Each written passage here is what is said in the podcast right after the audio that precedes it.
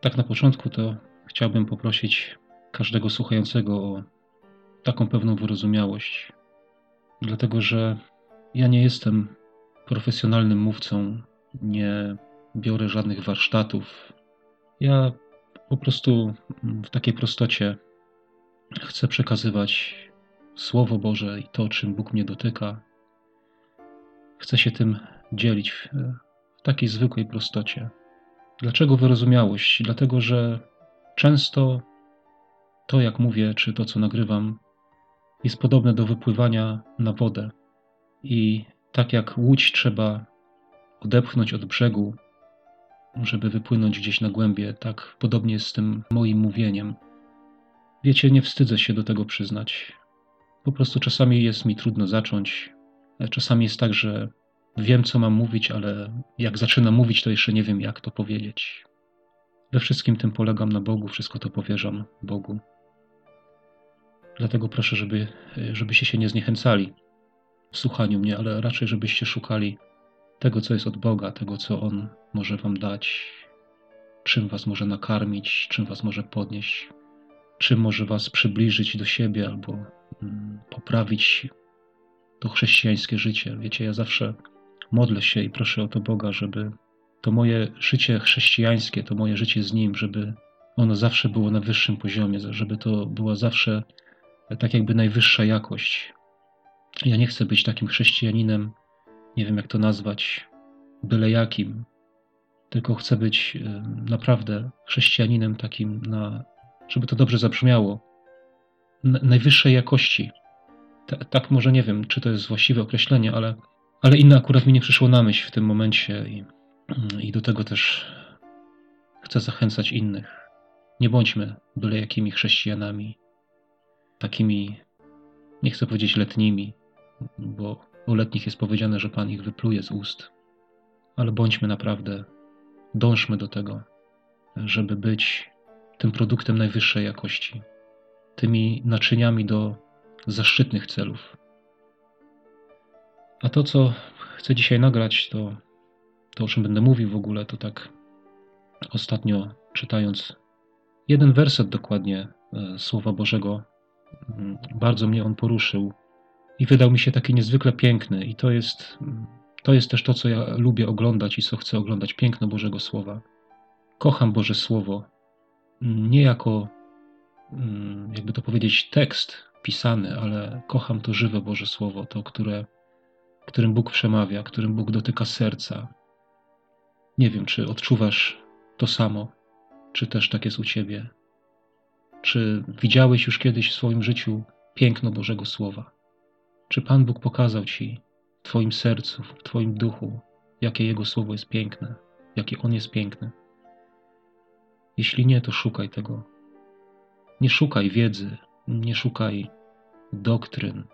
Wiecie, kiedyś rozmawiałem z takim jednym bratem i on powiedział coś takiego, że on teraz to już raczej się tylko modli, on już teraz Biblii nie czyta, bo on już tak się oczytał w doktrynach, że on już teraz Biblii nie czyta.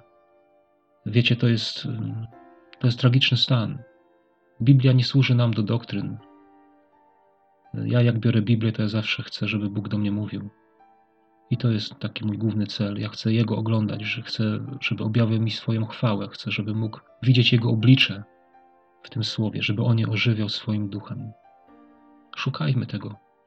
Dobrze, już taki trochę może przydługi wstęp, nie wiem, ale przeczytam pewien werset, wiecie, który, który mm, ostatnio właśnie wydał mi się taki piękny. I to jest takie wspaniałe z Bogiem, że nieraz tak jakby miejsce Bożego Słowa mówi zupełnie co innego, a Pan Bóg pokazuje też zupełnie co innego. To zależy, jak to światło Bożego Ducha padnie.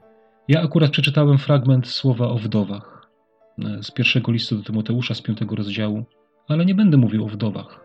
Nie to jest moim celem. E, moim celem jest powiedzieć o tym, że to, co robisz dzisiaj, ma bardzo duże znaczenie i ma bardzo duży wpływ na to, co będzie jutro, na to, jak się potoczy Twoja przyszłość. Moja też, oczywiście. To mówię też do siebie. Ja przeczytam pierwszy Tymoteusza, piąty rozdział, przeczytam dziewiąty i dziesiąty werset. Na listę wdów może być wciągnięta niewiasta licząca lat co najmniej sześćdziesiąt i raz tylko zamężna, mająca dobre imię z powodu szlachetnych uczynków, że dzieci wychowała, że gościny udzielała, że świętym nogi umywała, że prześladowanych wspomagała, że wszelkie dobre uczynki gorliwie pełniła. Taki fragment. Można by powiedzieć, no co on ma wspólnego z, z tym tytułem. Ano, drodzy, ma, bo jak wiemy, w tamtych czasach wdowy były w ciężkim stanie. Jak nie miały bliskich, jak nie miały rodziny, to były, jak to tak się mówi, skazane na śmierć głodową, tak? bo nie miały żadnego utrzymania. I zobaczmy, jaki tu jest pokazany przykład, i który właśnie mnie zafascynował w tym fragmencie, że życie takiej kobiety, o której tu jest mowa, to jest przykład wdowy, ale weźmy sobie, że każdy z nas może być taką wdową, niezależnie od tego, czy jest mężczyzną, czy kobietą. Jej przyszłość została zapewniona przez to, jaka ona była wcześniej jak ona żyła y, we wcześniejszych latach swojego życia, we wcześniejszych dniach swojego życia. Zobaczmy, gdyby nie, te, gdyby nie to jej postępowanie, gdyby nie te jej uczynki, o których tu jest mowa, nie mogłaby zostać wciągnięta na, na listę wdów, tak jakby. Nie miałaby zabezpieczenia. Mająca dobre imię z powodu szlachetnych uczynków, że dzieci wychowała, że gościny udzielała, świętym umywała nogi, Dzisiaj to może taki zwyczaj no, dla nas w naszej kulturze jest bardzo taki obcy i odległy i, e, i nic nam nie mówi, ale jak czytam, że świętym nogi umywała, e, to ja widzę coś takiego po prostu nie plotkowała, nie obmawiała innych wierzących. Jak widziała coś u innego wierzącego, brata, siostry, to wzięła i obmyła, obmywała to, tak jak Pan Jezus swoim uczniom w czasie ostatniej wieczerzy umył nogi i powiedział: Tak wy nawzajem powinniście sobie nogi umywać. Prześladowanych wspomagała. Prześladowanych, myślę, nie tylko, jakby to powiedzieć, za wiarę też, tak, ale ja bym powiedział, że tych, którzy w jakimkolwiek ucisku są, w jakichkolwiek trudnościach, w potrzebach, wszelkie dobre uczynki gorliwie pełniła. Ja nie chciałem tak się skupiać na, na tych poszczególnych elementach, które tu są wymienione, tylko po prostu na sposobie życia. Na sposobie życia, który jest zgodny e, z duchem Chrystusowym, zgodny z nauką Ewangelii, tak? I co jeszcze, co tutaj chcę podkreślić, że to nie chodzi o to, że ta wdowa żyła z tą myślą, o ja będę tak postępować, żebym została wciągnięta kiedyś na listę wdów. Nie? Po prostu to chodzi o to, żeby takim człowiekiem być ale też dobrze wiedzieć, że to, jak dzisiaj żyjemy, może nam naprawdę bardzo pomóc w przyszłości. Naprawdę, bardzo może nam być pomocne. Od tego, powiem nawet tak, od tego może zależeć nasze być albo nie być. Żeby jakoś udowodnić e, to, o czym mówię, czy jakoś podeprzeć to, czy pokazać z innej strony też, o tak bym powiedział, może z innej strony, mm, to przeczytam Dzieje apostolskie, dziewiąty rozdział, od 36 wiersza. A w Jopie była pewna uczennica imieniem Tabita, co w tłumaczeniu znaczy Dorkas. Życie jej wypełnione było dobrymi i miłosiernymi uczynkami, jakich dokonywała. I stało się, że w tym właśnie czasie zaniemogła i umarła. Obmyto ją i złożono w sali na piętrze. Ponieważ zaś Lydda leży blisko Jopy, Uczniowie, usłyszawszy, że tam przebywa Piotr, wysłali do niego dwóch mężów z prośbą: Nie zwlekaj z przyjściem do nas. Wybrał się tedy Piotr i poszedł z nimi, a gdy przyszedł, zaprowadzili go do sali na piętrze. I obstąpiły go wszystkie wdowy, płacząc i pokazując suknie i płaszcze, które robiła Dorkas, gdy była z nimi. A Piotr, usunąwszy wszystkich, padł na kolana i modlił się. Potem zwrócił się do ciała i rzekł: Tabito, wstań. Ona zaś otworzyła oczy swoje i ujrzawszy Piotra, usiadła. A on podał jej rękę i podniósł ją, przywoławszy zaś świętych i wdowy, pokazał ją żywą. I rozniosło się to po całej Jopie i wielu uwierzyło w Pana. Mamy tutaj taki podany obraz. Wiecie, ja, ja wam powiem, w jaki sposób ja ten obraz odczytuję, a niech Pan Bóg pomoże nam zrozumieć. Była pewna osoba, zobaczcie, życie jej było wypełnione dobrymi i miłosiernymi uczynkami, jakich dokonywała. Jej życie było tym wypełnione, to był jej styl życia. Po prostu. I czytamy tutaj, że w tym czasie zaniemogła i umarła. To mi coś pokazuje, moi drodzy. W tym czasie zaniemogła i umarła. Wiecie, to mi pokazuje, że w życiu każdego może się coś przytrafić. Zaniemogła, znaczy zachorowała. Coś się stało, nie wiem, w czymś się powinęła noga. Zaniemogła i umarła. Nie wiem, rozumiecie mnie, wiecie o co mi chodzi. Nie wiem, coś się stało, jakiś upadek może w życiu duchowym, jakiś grzech się wdał, jakieś potknięcie. I ona zaniemogła i umarła. Ale zobaczmy, jakie, jak to dalej wyglądało. Te miłosierne uczynki, których ona dokonywała wcześniej, to jaką ona była osobą, to w jaki sposób ona żyła, tak? nie jej styl życia poprzedni, przed tym, co się wydarzyło. Zobaczcie, co on spowodował. Że ci, którzy byli wokół niej, którzy ją znali, wiecie, powiem tak, jakby umarł, to, jakby to był inny człowiek, jakby to był człowiek bezbożny, to wiecie, co by zrobiono z nim po śmierci. Zwłaszcza przecież w Izraelu, tam, gdzie, gdzie jest ciepło, gdzie jest gorąco, gdzie, gdzie, gdzie się szybko rozkłada ciało. Pochowaliby jak najszybciej. A zobaczcie, co tutaj z nią zrobili. Obmyto ją i złożono w sali na piętrze. Patrzcie, nie wsadzili jej do grobu, nie pogrzebali jej, nie pochowali jej, ale ją obmyli i złożyli gdzieś w sali na piętrze. Wiecie, to do mnie coś mówi. To, że ją obmyli, to do mnie coś mówi. Ja to widzę tak, że usprawiedliwili ją. Usprawiedliwili taką osobę, że to nie, to nie jest tak, że to, co się wydarzyło w jej życiu, e, mówię teraz e, tak obrazowo na przykład o życiu takich współczesnych wierzących, że, że to, co się wydarzyło w życiu, to jest coś po prostu mm, takiego niespodziewanego. To jest coś och, jak to nazwać? E, bo ona nie była taką osobą, prawda? Nie była. To była, to była gorliwa osoba oddana Bogu i coś się wydarzyło.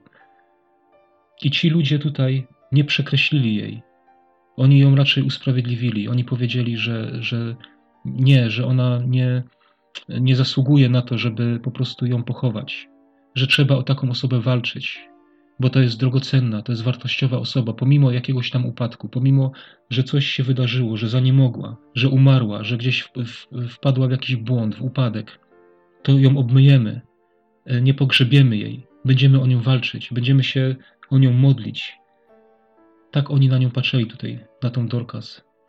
Ja bym chciał, żeby na mnie też tak mo mogli ludzie patrzeć, żeby moje życie, to co dzisiaj y, robię, to jaki jestem, w jaki sposób żyję, to jak kiedyś coś mi się przytrafi, to żeby tak samo na mnie spojrzeli. Wybrał się wtedy Piotr i przyszedł tam i zaprowadzili go do tej sali.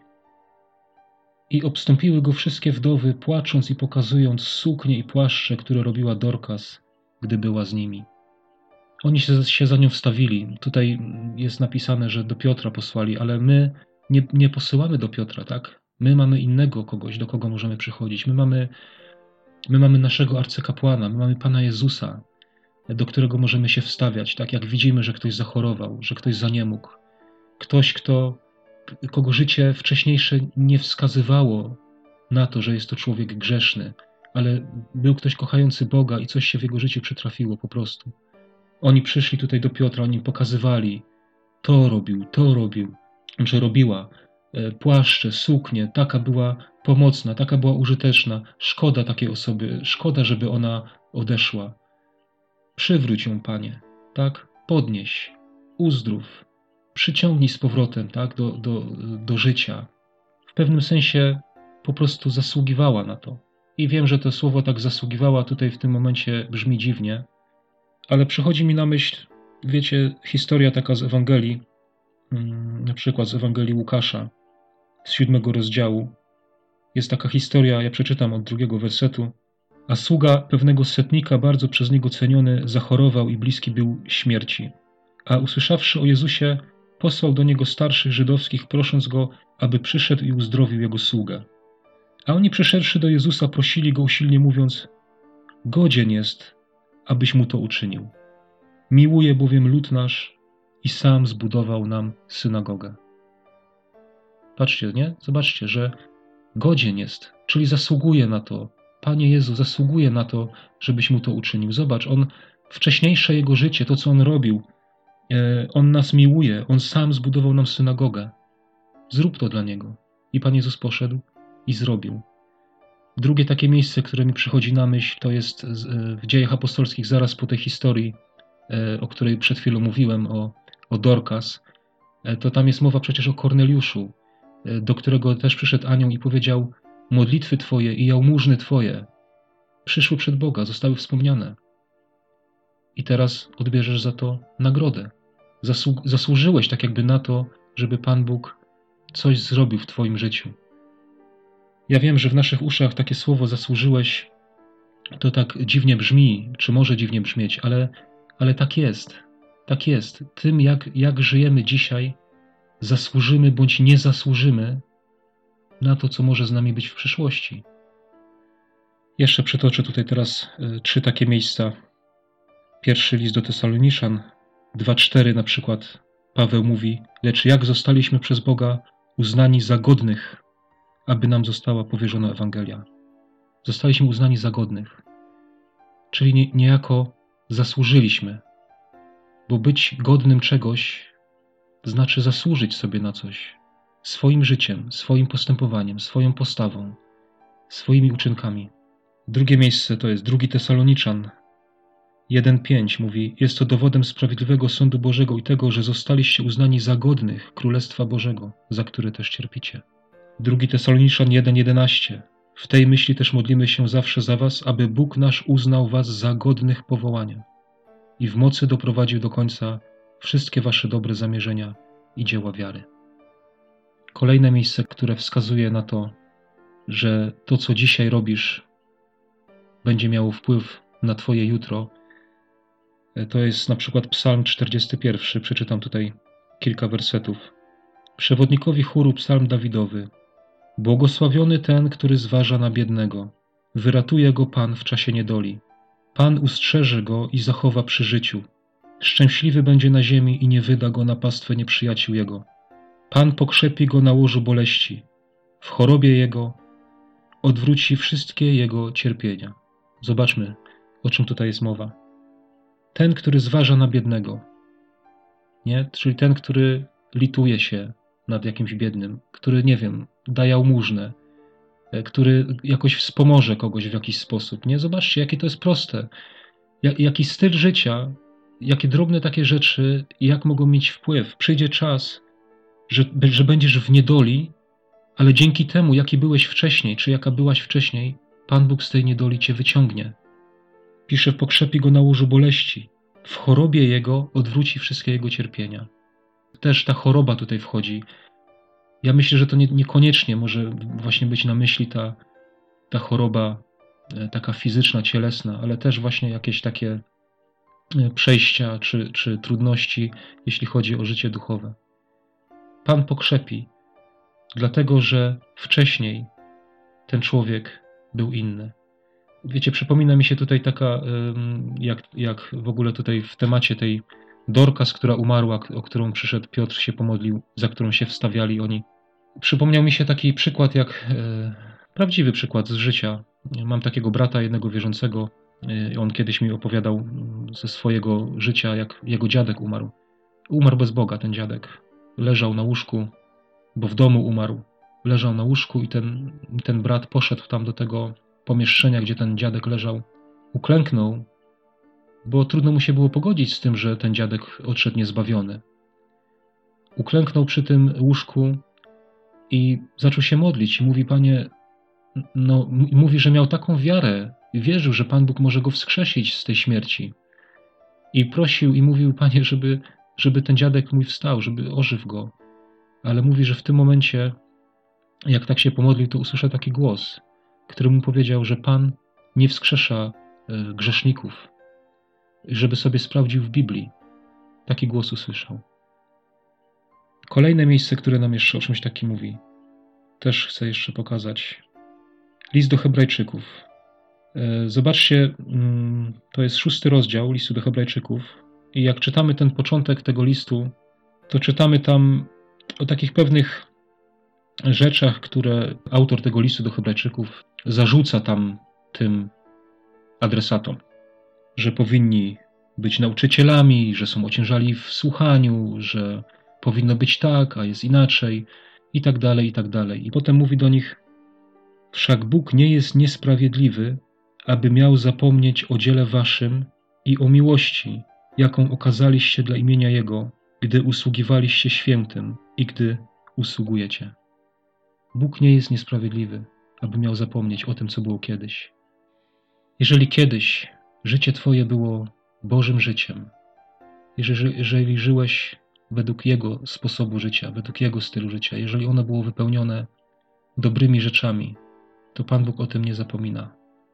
Aby ono było wypełnione tymi dobrymi rzeczami, bo to nam gwarantuje przyszłość. Nawet jeżeli coś się wydarzy w naszym życiu, to możemy liczyć na wsparcie, możemy liczyć na pomoc, na dobre rozwiązanie. Jeszcze jeden werset z przypowieści Salomona 24:16 mówi na przykład coś takiego: Bo choć sprawiedliwy siedem razy upadnie, jednak znowu się podniesie, lecz grzesznicy potykają się w nieszczęściu. Lepiej być sprawiedliwym niż grzesznikiem, lepiej żyć tym dobrym, Bożym życiem, które jest nacechowane dobrymi uczynkami, e, uczynkami miłosierdzia, pełnionymi nie z przymusu, nie z, jakiejś, z jakiegoś poczucia obowiązku, ale z gorliwości, z miłości do Boga, z miłości do Pana, bo to jest nasze zabezpieczenie na przyszłość. Ja myślę, że mógłbym więcej jeszcze o tym mówić. Nie chcę już może przeciągać, bo, bo za długo to też wiem, że się źle słucha. To chyba tyle. No tym chciałem się podzielić. Amen.